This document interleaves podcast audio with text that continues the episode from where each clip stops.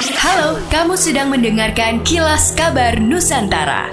Podcast persembahan KG Radio Network menyajikan berita harian yang mengangkat keunikan dari berbagai wilayah Indonesia. Kilas Kabar Nusantara dapat juga didukung oleh pengiklan loh.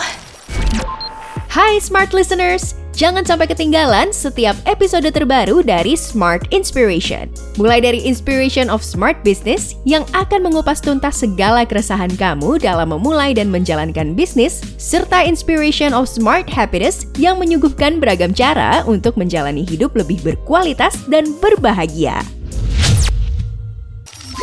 Pemprov Sulsel melalui Dinas Kesehatan meminta kabupaten kota segera menggenjot cakupan vaksinasinya. Paling tidak 50% untuk vaksinasi dosis pertama. Hal itu merujuk instruksi Mendagri yang kini memasukkan indikator cakupan vaksinasi sebagai patokan penetapan level PPKM.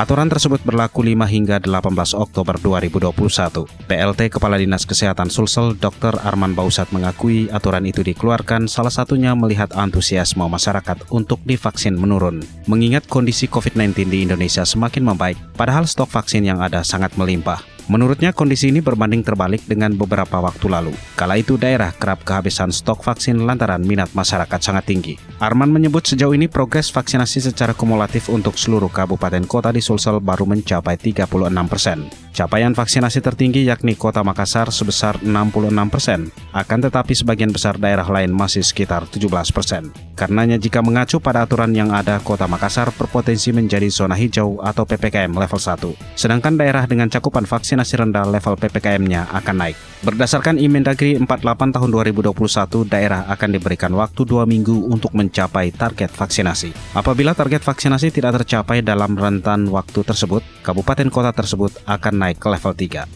Sejumlah pedagang dari 26 pasar rakyat di Kota Malang mendapatkan pelatihan dalam pembuatan aplikasi Android dari tim pemasaran dan komunikasi Komite Ekonomi Kreatif Diskopinda Kota Malang di Pasar Bareng pada hari Senin, 11 Oktober 2021.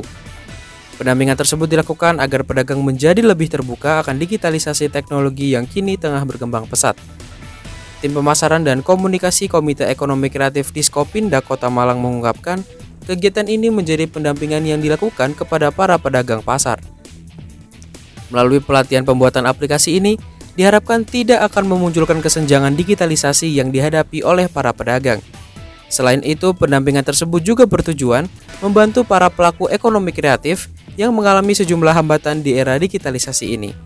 Setelah menanti sejak 2018, akhirnya Kota Bekasi akan mempunyai krematorium. Lahan seluas 3.000 meter persegi di Jalan Raya Perjuangan, Kelurahan Harapan Baru, Kecamatan Bekasi Utara, disiapkan oleh Pemkot Bekasi untuk pembangunan krematorium. Peletakan batu pertama dilakukan pada Senin 11 Oktober dengan target sudah bisa digunakan pada awal tahun depan. Wali Kota Bekasi Rahmat Effendi mengatakan pihaknya menganggarkan sebesar 15 miliar rupiah untuk pembangunan krematorium tersebut. Menurut Rahmat, pembangunan krematorium bertujuan untuk mempermudah umat Hindu dan agama lainnya yang membutuhkan tempat kremasi. Sementara itu, Kepala Dinas Pertamanan, Kawasan Pemukiman, dan juga Pemakaman Kota Bekasi, Jumhana Lutfi mengatakan, pihaknya berencana untuk menggratiskan biaya kremasi jika krematorium di Bekasi Utara telah beroperasi. Biaya kremasi rencananya akan dibebankan kepada APBD Kota Bekasi sehingga masyarakat tidak dikenai biaya. Meski begitu, ada juga kemungkinan masyarakat dikenakan biaya, namun tarifnya tidak akan semahal seperti krematorium swasta. Sebelumnya, Kota Bekasi selama ini memang belum memiliki fasilitas krematorium, sehingga warga Bekasi yang ingin mengkremasi anggota keluarganya harus pergi jauh ke Cibinong ataupun ke Cilincing.